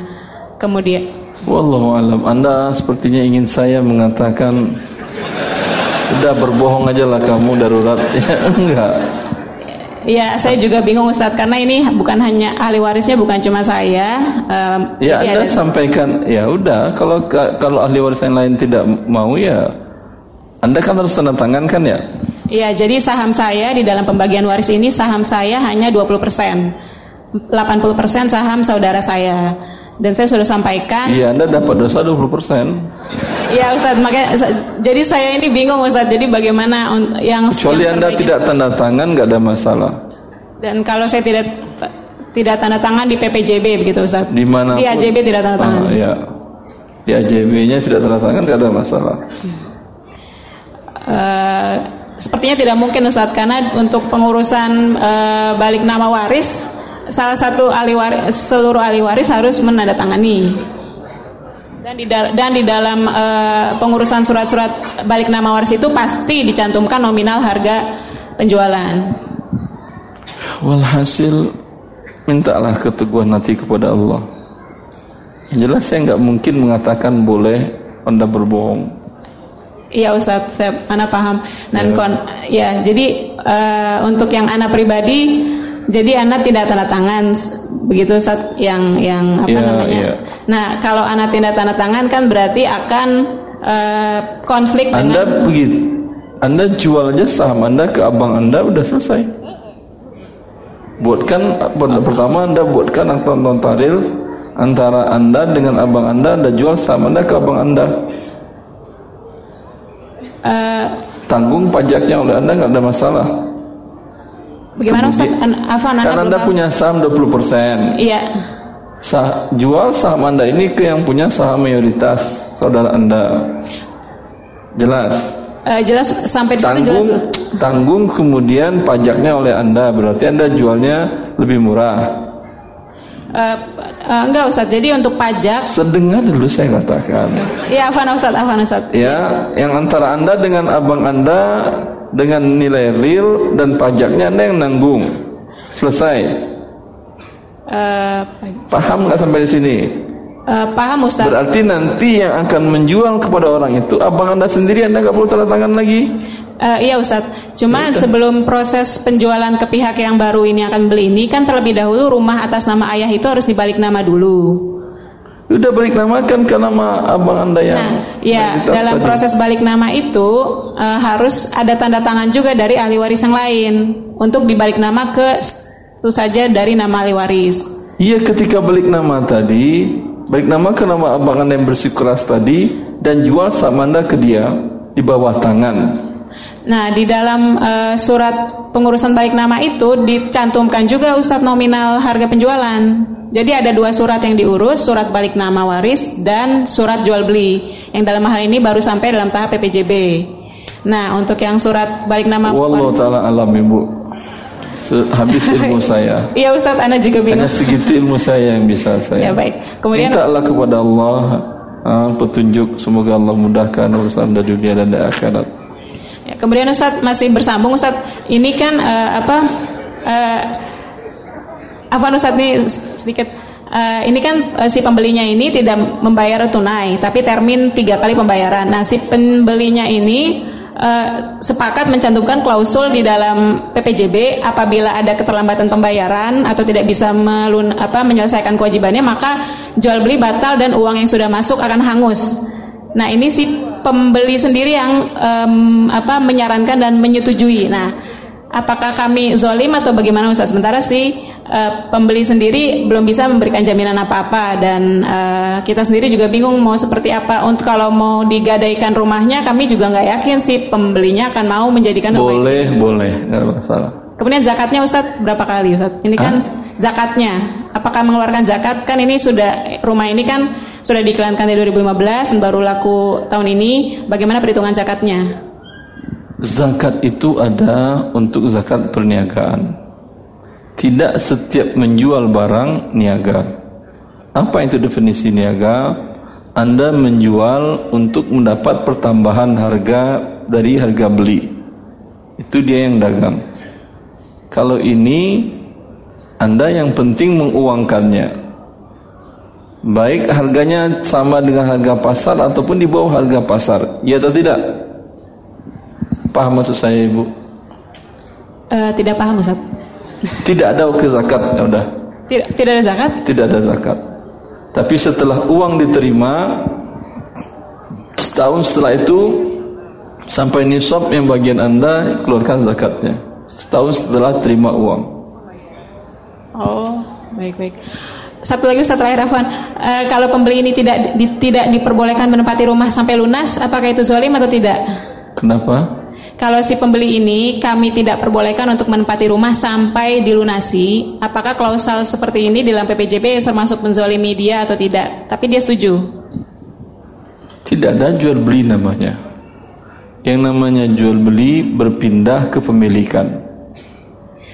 Barang menjadi milik hak pembeli. Ya. Piutang menjadi milik hak penjual. Sekarang apa hak Anda melarang dia untuk menempatinya dan memakainya? Sebagai jaminan Ustadz khawatir tidak bisa menyelesaikan kewajiban. Jaminannya kan surat-surat balik namanya nanti dipegang sama notaris. Ya, baik Ustadz. Syukran jazakallahu khairan. Kalau anda juga ingin minta, minta barang yang lain jaminannya ke dia. Yang jelas itu sudah milik dia dengan akad jual beli. Berarti anda menzolimi dia. Ya. Syukran jazakallahu khairan. Assalamualaikum warahmatullahi wabarakatuh, Ustaz. Assalamualaikum. Ustaz, eh, saya ada pertanyaan titipan. Ini, Ini betul ibu udah dua kali ini apa maksud baru sekali ibu? Saya orang Kali yang tapi ke- panjang yang banyak, ya? kedua beda orang. Ya. Nah, ini ada pertanyaan. eh, eh, sepupu saya baru mau beli saham. Ini Kurang ada jelas. sepupu saya baru mau beli saham nih Ustadz. Mau beli Saham. eh, Iya, apakah Ustadz eh, punya referensi perusahaan yang Ustadz sudah tahu bahwa perusahaannya itu halal sahamnya? Ini masjid tidak boleh berjual beli di masjid. Baik Ustadz. Eh, silakan. Untuk eh, yang kedua Ustadz, ini mau tanya eh, apa hukumnya kalau misalnya kita kerja di eh, daycare, daycare-nya itu dia kerjasama sama bank konvensional. Ulangi, ulangi. Eh, kerjanya di daycare, Apa? daycare yang jaga titipan anak. Jasa penitipan anak Ustadz. Tadi care-care tadi apa? Iya, daycare, jasa penitipan anak. Daycare. Jasa penitipan anak Ya. itu bahasa Indonesia saya paham. Eh, iya, maaf. Tadi saya nggak Ustaz. ngerti itu. Iya, eh, jasa penitipan, penitipan anak ini kerjasama dengan bank konvensional. Kerjasamanya dalam bentuk Dalam bentuk jasanya, dia manajemen serta SDM-nya dari yayasan itu, terus untuk fasilitas operasionalnya dari bank konvensional. maksudnya fasilitas operasional itu apa? Eh, jadi kayak tempatnya, peralatan-peralatannya, eh, semua barang-barangnya dari bank konvensional. Hadiah atau Eh, emang Kredit, emang apa? mereka yang sudah siapkan nggak paham saya. Eh, mereka yang sudah siapkan. Jadi eh, dari dari yayasan ini dia hanya kayak mengelola untuk manajemen sama eh, SDM-nya yang ngajarnya dan Oh, berarti ber- mainan anaknya ada di situ. Mari Iya. nabung di bank riba X gitu. i- iya Iya. iya pokoknya ada beberapa mainan semua fasilitasnya semuanya dari eh, bank konvensional tersebut. Kalau tidak ada iklan ribawi, karena anak-anak ini terpapar ribawi sudah semenjak bayi, kan kasihan. Eh, jadi Bedongnya pakai bedong ada cap banknya, enggak jadi gini ada Ustaz. lambang banknya, kan kasihan. Jadi eh, Anak dari bayi sudah terpapar riba, Jadi yang jadi yang di daycare ini emang anaknya yang ibunya hanya bekerja di bank itu. Gitu, Ustaz. suruh ibunya berhenti dulu dari sana, baru tanyakan ke saya. Kalau kerja di daycare itu hukumnya gimana? Haram. Gajinya halal atau haram gitu? Haram. Haram. Eh, gitu. Iya. Jadi haram ya Ustaz ya untuk kerja di daycare itu. Langsung resign. Resign. Iya haram.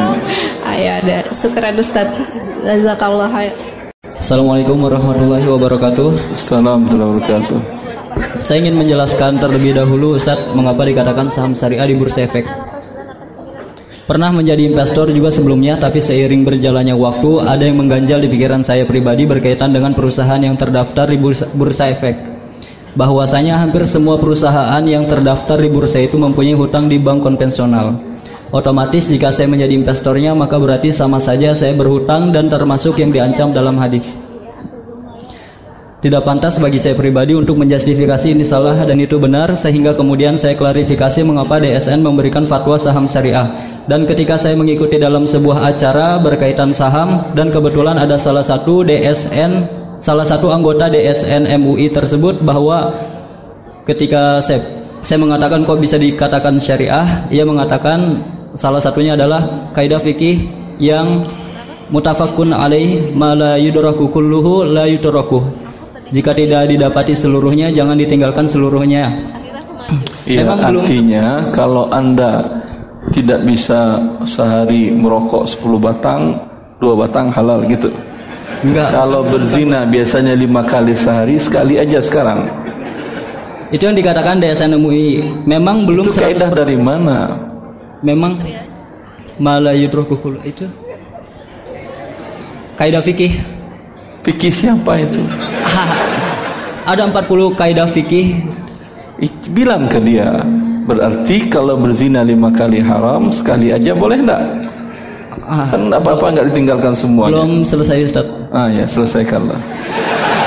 Memang belum 100% syariah akan tetapi Memang belum 100 syariah akan tapi akan 100 dengan secara tahap ujarnya.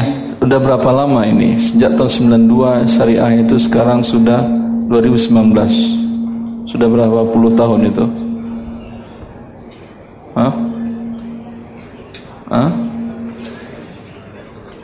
27 tahun katanya masih periode peralihan-peralihan nggak akan bakal beralih beralihnya ke neraka ya anda mau bertobat kepada Allah ya nggak bisa bertobat itu merokok dari sehari lima kali menjadi sehari sekali nanti sampai hilang enggak bertobat berhenti. Allah pun mengatakan dalam riba fantaha fa fungsi huruf fa dalam bahasa Arab menggabungkan dua kalimat tertib ta'kibi. Langsung ini selesai langsung masuk ke kalimat kedua. Kata Allah siapa yang mengetahui bahwa Allah mengharamkan riba langsung dia berhenti. Itu yang Allah ampuni kalau dia bilang saya sih tahu riba itu haram tapi saya mau merencanakan masa depan setelah pensiun ya mungkin ya setahun dua tahun lagi setelah resign ini belum bertobat dia mati besok pagi mati dalam keadaan berbuat riba Alhamdulillah memang saya sudah lama keluar karena ada sebelum mati kan ya Ya. Alhamdulillah. Sudah dari sekarang udah lama banget. Alhamdulillah. Lama. Alhamdulillah. Kemudian juga argumentasi DSN MUI dalam fatwa yang menentukan rasio utang berbasis bunga terhadap modal merujuk kepada pendapat Imam Al-Ghazali yang menyatakan bahwa Al-Ghazali mengatakan apa? Boleh berbuat riba 45%? Enggak, yang menyatakan bahwa dalam sebuah bisnis atau usaha modal tidak boleh kecil dari hutang. Apa? Ulangi. Yang Apa? menyatakan bahwa dalam sebuah bisnis atau usaha modal tidak boleh kecil dari hutang. Modal tidak boleh kecil. Tidak Maksudnya boleh apa? kecil. Jadi kalau misalnya buat usaha perusahaan modalnya harus besar daripada hutangnya. Boleh berutang riba. Pendapat Imam Syafi'i. Imam Syafi'i mana? Tadi Akadnya bilang Ghazali, sekarang Imam Syafi'i. Akadnya apa namanya antara pinjaman dan eh, ribanya itu gabung. Tapi jumhur tadi Anda dengar dari Ustaz langsung ini terpisah. Jadi sehingga hutangnya mereka Sekarang kasusnya, kalau Anda beli sahamnya, Anda berarti mewakilkan mereka untuk melakukan pinjaman riba. Sudah berdosa Anda. Ya Ustadz itu eh, dari DSN MUI ketika saya berdiskusi dan itu jawaban mereka. Kemudian saya punya pertanyaan ini pertanyaan saya apakah sukuk itu termasuk hilah Ustadz? Hanya tipu daya jual beli tapi eh, seakan-akan pinjaman yang bertambah juga gitu. Ya, seperti itu di buku harta haram. Ya. Iya, seperti itu di buku harta haram. Kemudian Ada pembahasan sukuk di sini. Tinggal Anda baca. Saya bacakan halamannya 502 sampai 509. 500 Tujuh halaman. 52 sampai 500. 9. Baca di situ ya. Kemudian satu lagi Ustadz, eh, dalil misalnya kita udah bertaubat nih daripada pekerjaan yang haram, kemudian uangnya bertumpuk-tumpuk, Banyak bertumpuk-tumpuk. maksudnya banyak, banyak mungkin eh, 100 juta. Nah, saya ingin menanyakan eh, kita berhak mengambil kebutuhan pokoknya selama satu tahun. Nah, dalil daripada pengambilan selama satu tahun itu, saya ingin mengetahui dalilnya Ustadz. Baca buku haram dari awal sampai akhir Anda temukan insya Allah di sana dalilnya.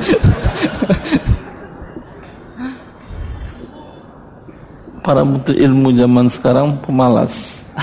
Kan perlu di Hah? Baca dari halaman 622 sampai halaman 630. 622 sampai 630. Oke, syukron. Assalamualaikum warahmatullahi wabarakatuh. Salam Itu ijma' ini dinukil oleh Imam Nawawi bahwa dan termasuk Syekh Islam bin Taimiyah bahwa orang yang harta di tangannya semuanya didapatkan dengan cara yang haram. Yang haramnya itu pihak pemberi uangnya redo. Kalau dia tidak redo seperti korupsi atau mencuri, itu tidak boleh dia gunakan, harus dikembalikan kepada orang yang dizaliminya. Tapi bila transaksinya transaksi yang diharamkan oleh Allah dan pemberi jasa, pemberi uangnya redo, seperti Anda bekerja di bank, kan redo dia memberikan Anda uang jasa Anda. Tapi Allah mengharamkan memurkainya. Ya, ini yang wajib uangnya diberikan kepada fakir miskin. Tapi kalau Anda bekerja sebuah perusahaan, Anda korupsi uangnya Anda berikan ke fakir miskin, anda berdosa.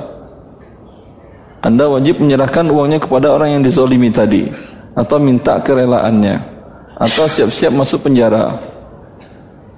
Ya. Kemudian bila di tangan dia seluruhnya adalah uang yang haram dalam bentuk jenis yang tadi. Itu uang diberikan di antaranya kepada fakir miskin. Kalau ditarik dari dia selalu 100 persennya, ada aset tanah, rumah, kendaraan, uang tunai dan segala macam harta, dia menjadi fakir miskin di saat itu juga. Jelas? Daripada diberikan kepada fakir miskin yang lain, sekarang statusnya fakir miskin atau tidak? Ya. Fakir miskin berapa boleh dapat uang yang haram ini? Sama dengan menghitung berapa fakir miskin boleh mendapat zakat. Bagaimana memberikan zakat kepada fakir miskin? Yaitu hitung kebutuhannya setahun ke depan untuk kebutuhan pokok. Setelah umpamanya dia kebutuhannya per bulan 10 juta. Pendapatannya maksimal 5 juta. Berarti kekurangannya 5 juta per bulan kali 12 60 juta. Dia berhak terima zakat 60 juta. Ada A berzakat kepada dia 30 dia terima masih halal lagi 30 ada B berzakat ke dia 10 dia terima masih halal 20 besok ada C berzakat ke dia 20 setelah itu satu rupiah pun dia terima zakat haram. Sekarang statusnya bukan fakir miskin lagi. Jelas?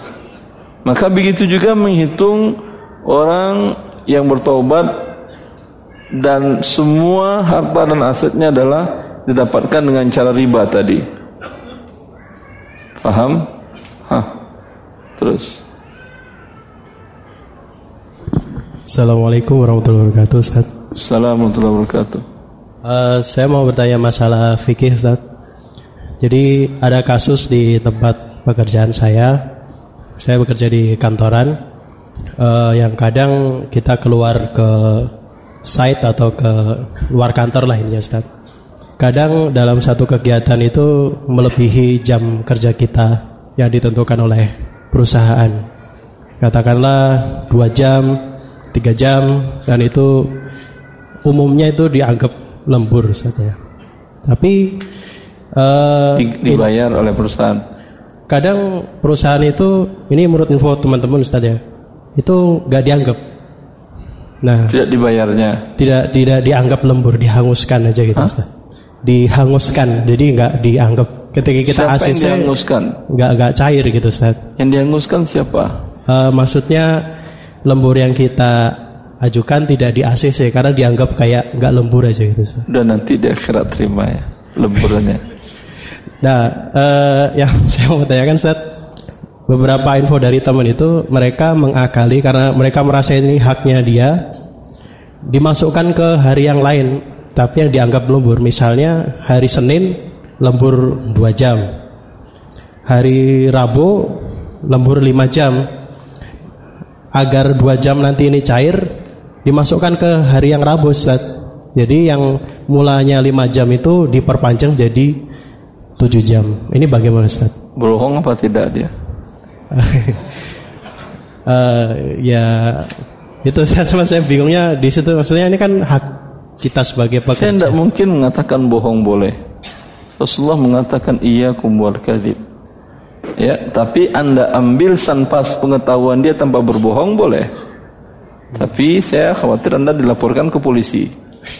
Umumnya anda bawa laptop ini sama nih dengan nilai lemburan saya. Anda jual ke pasar, eh besok datang ke polisi. Ya, dalam Islam kalau suami istri boleh, seperti Hindun mengadukan suaminya Abu Sufyan kepada Rasulullah SAW. Ya Rasulullah, fa inna Abu Sufyan rajulun syasyih. yu'tini ma la yakfi li wali wali iyali. Afa akhudhu min malihi? Qal khudhi ma yakfiki wa waladaki Hindun mengatakan ya Rasulullah. Abu Sufyan orangnya kaya tapi pelit. Dia memberi nafkah untuk saya dan anak-anaknya tidak cukup untuk kami. Apakah boleh saya ambil dari hartanya? Kata Rasulullah SAW Sallallahu alaihi ambil untuk kecukupanmu dan anak-anakmu. Itu kalau aman. Ya, kayaknya nggak aman sih. Ya. Nah itu perusahaan jadinya ya kita karyawannya kayak ya udah di akhirat aja yang lebih aman akhirat aja Ustaz. Berarti kita harus ikhlas karena Allah aja Ustaz. ya. kalau ikhlas dapat pahala doang kalau di akhirat anda dapat itu lembur Nah, terserah Ustaz, pilih yang mana nggak apa-apa pertanyaan kedua masih berhubungan dengan pekerjaan saya. Jadi ada info dari teman-teman saya yang sering keluar kota untuk sebuah pekerjaan. Mereka berhubungan dengan PT-PT yang lain, klien dari PT saya, yang kita melakukan proyek mereka. Kadang di situ diberikan seperti uang entertain gitu, Ustaz. Seperti makan atau ajak makan bersama atau bagaimana. Entah tujuannya mau mensuap atau gimana saya nggak tahu. Cuman saya mau Suap tanya nasi begitu? Bukan bukan menyuap Ustaz, tapi rasuah rasuah suap ya jadi saya mau tanya Ustaz, bagaimana kita menentukan sebuah pemberian itu bisa menjadi suap takutnya entertain ini jadi suap nih, karena sedikit terpaksa juga gitu teman-teman tanyakan ke perusahaan anda. Kalau mereka ngasih saya makan siang boleh nggak? Kalau mereka bilang, bilang boleh tapi besok makan siangmu dipotong gajinya. Berarti kan tidak boleh berarti? Iya nggak boleh. Jangan lakukan. Kalau tetap lakukan berarti haram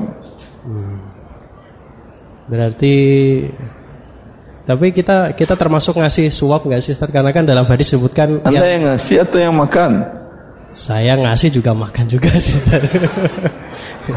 Berarti anda pemberi juga penerima juga iya, kalau jadi Rasulullah mengatakan pemberi dan penerima masuk neraka berarti dua kali anda masuk neraka naudzubillah Ustaz.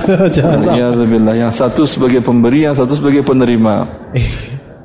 Ya itu Jangan lakukan bertobat kepada Allah Azza wa Jal.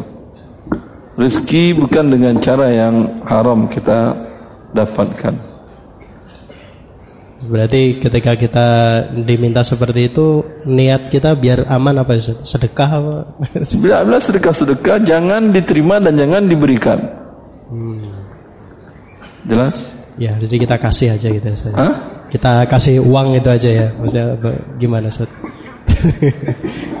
Maksudnya hari hal, hal ini tuh Kenapa dikasih uang dia? Karena hal ini sangat susah untuk dihindari Ustaz. Maksudnya tim- Tidak ada yang susah dihindari. Ya, yang susah itu menghindari neraka itu ya susah. Iya, Rasulullah SAW mengatakan ketika beliau dengan di hadapan para sahabatnya mendengar suara dentuman.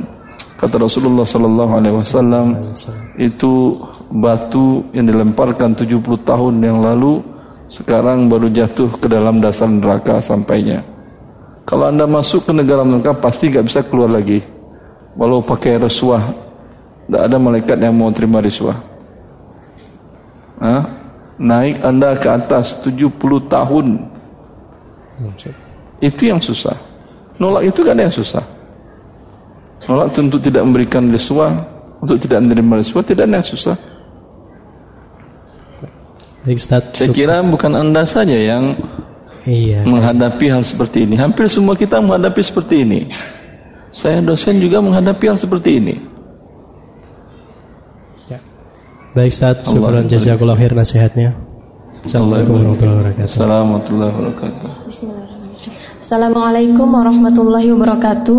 Assalamualaikum warahmatullahi wabarakatuh Semoga Allah memberkahi Ustadz dan memberkahi kita semua yang hadir di sini. Eh, begini Ustadz, saya join bisnis bersama dengan teman yang mana di dalam bisnis itu ada memproduksi hijab atau kerudung fashion atau tidak syar'i. Kerudung fashion itu artinya tidak syar'i Iya, tidak syar'i Ustadz.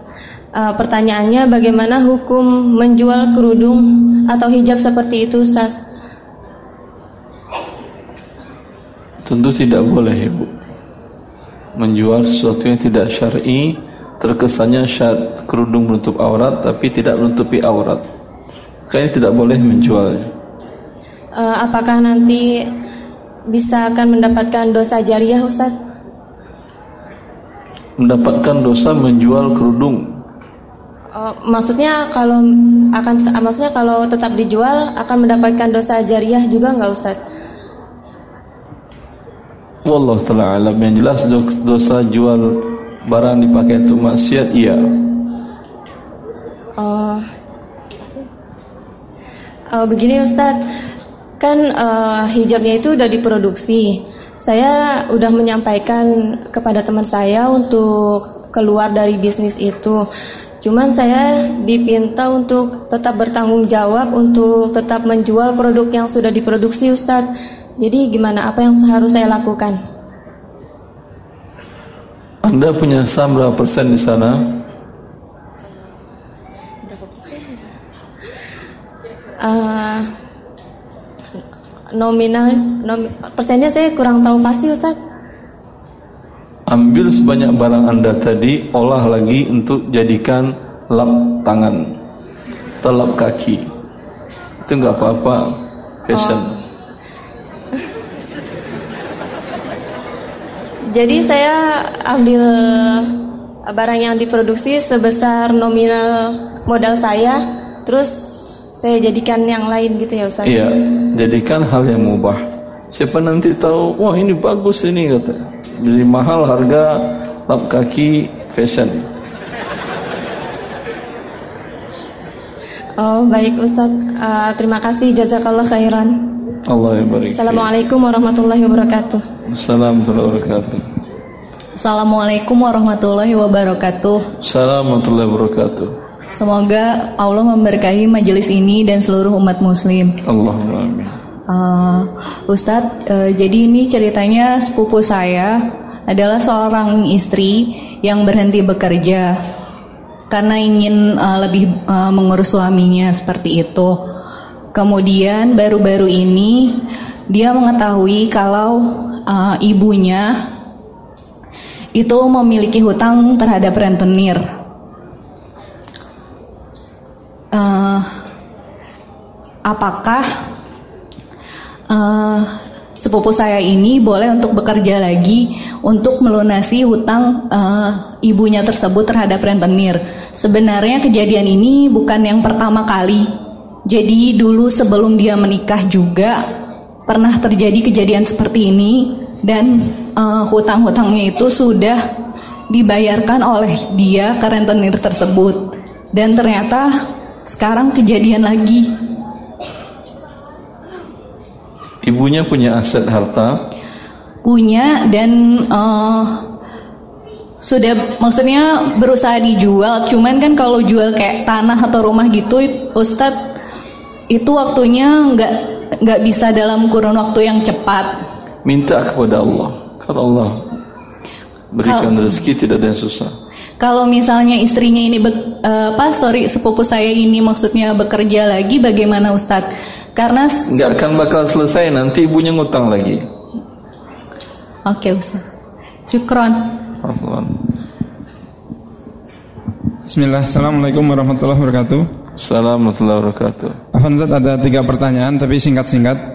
Yang pertama, uh, waktu itu kami bertiga bikin sebuah bisnis uh, perusahaan telekomunikasi. Kemudian uh, setelah berjalan satu tahun, saya ada rencana melepas sebagian saham. Mau jual sebagian Mau jual. Saham. Anggaplah waktu itu saham saya 200, kemudian saya jual 100. 200 persen. 200 juta. Kemudian saya mau jual. Persentasenya berapa? Uh, presentasinya kurang lebih 15 persen. 15 persen.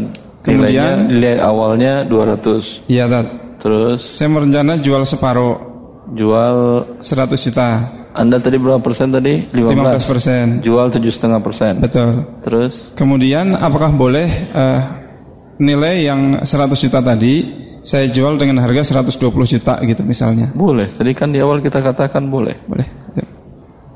Sekarang, Kemudian pertanyaan kedua, perusahaan ini banyak barangnya kurang lebih ada 600 item di salah satu itemnya itu voucher game online itu boleh apa tidak Tat?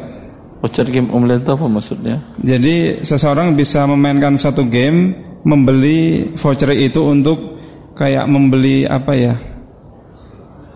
Eh, saldo gitu ya. Saldo untuk main game. Iya gitu kurang lebih. Gamenya game halal apa game haram? Game yang pasti game sia-sia. Hah? Game sia-sia. Saya ulang, pertanyaannya gamenya halal atau haram? Ana belum pelajari gamenya haram atau halal. Ada wanita terbuka auratnya? Ana belum pelajari Tat, karena sendiri belum pernah main gamenya. Cuman saya Ana lihat di press listnya itu ada voucher game online Berapa persen? kecil, mungkin nggak nyampe 5 persen. Ya, berarti yang Anda jual ke orang tadi yang nilai yang halalnya saja. Nilai yang Halalnya. iya Tat. 5% dari saham Anda katakan ini tidak saya jual. Oh, Tapi saya lepas seluruhnya tapi ini tidak saya nilai. Tidak saya masukkan ke dalam nilai. Paham maksudnya? iya Tat. Nilainya tadi umpamanya eh, 200 juta 7 persen, 7,5 persen tadi kan ya. Iya. Yang ini ada 5 persen dari keseluruhan. Iya. Berarti 5 persen dari 75 persen berapa persen itu? 3,75 persen. tiga koma tujuh lima persen. 0,3 kan hanya kan 75 7,5 persen sama 7,5 persen betul. 0,3 kan ya? Oh iya 0,375 persen. 0,37 ya. Anda katakan yang saya jual kepada Anda adalah 74 sekian persen yang saya jual dengan nilai sekian. Iya Kenapa ada yang begini-begini? Kan tertulis tujuh setengah ya? Karena ya 5% dari keseluruhannya adalah suatu yang haram. Ya, tak? Artinya perusahaan itu tidak boleh menjual voucher game online ya, Itu kan haram. Ya. Kemudian kita sebagai pemilik perusahaan apakah boleh memotong pajak PPh 21 atas penghasilan karyawan Tat? Kemudian kita setorkan ke negara. Berarti Anda adalah penarik pajak. Ya, iya kan? Iya. Rasulullah sudah menjanjikan penarik pajak tidak masuk surga. Berarti solusinya kita naikkan ini tadi ya. Misalnya gajinya 4 juta, pajaknya 100 ribu berarti kita tetap gaji 4 juta, 100 ribu beban perusahaan gitu tadi ya. Suruh mereka yang bayar pajak sendiri, jangan anda yang tarik. Oh, Bisa. bisa. Alhamdulillah kalau bisa. Ya. Sekarang Ustaz. Assalamualaikum warahmatullahi wabarakatuh. Salam. Kalau penarik pajak, mereka dapat gaji narik. Kalaupun masuk neraka, mereka kan sudah makan gaji. Kalau anda tidak dapat gaji untuk narik, tapi dapat neraka saja. Ah. Ya, Assalamualaikum warahmatullahi wabarakatuh. Assalamualaikum warahmatullahi wabarakatuh. Eh, sebelumnya saya ingin menanyakan dua hal yang eh, pertanyaan pertama hanya sebagai pengantar kalau misalkan eh, belum clear baru lanjut ke pertanyaan kedua. Eh, pertama untuk Berapa menit lagi azan? Jangan panjang-panjang, cepat. ya eh, untuk eh, pertanyaan pertama eh, apakah benar Ustaz diperbolehkan bekerja di suatu perusahaan yang bergerak di usaha yang halal namun memiliki pendapatan haram eh, berupa eh, bunga yang disimpan di eh, bank. Eh, namun tidak melebihi 5% dengan syarat dia tidak bekerja eh, yang pekerjaannya terlibat langsung dengan transaksi ribawi. Dan yang kedua eh, dia eh, eh, mengakui bahwa eh, eh, apa perusahaan itu memang tidak sepenuhnya halal. Kan itu saja, yang 5% dari gaji dia berarti tidak halal, kan dibayar pakai bunga. Oh ya sama yang ketiga dia menyisihkan eh, gajinya sesuai dengan porsi persentase pendata- pendapatan haram. Anda gaji kerja 100% dapat gaji 95 mau. Kan 95% gaji yang halal. Karena yang persen adalah bunga. Kalau mau ya silahkan. Berarti eh, tidak boleh 100 persennya maka keluar saja dari perusahaan. Alhamdulillah. Cari yang 100% halal. Oke. Syukuran Ustaz. Terima kasih. Sudah jam 3. Semoga bermanfaat. Subhanakallah bihamdika asyhadu an la ilaha illa anta astaghfiruka Assalamualaikum. Assalamualaikum warahmatullahi wabarakatuh. Ibu kita tutup ya Ibu karena beberapa menit lagi azan asar.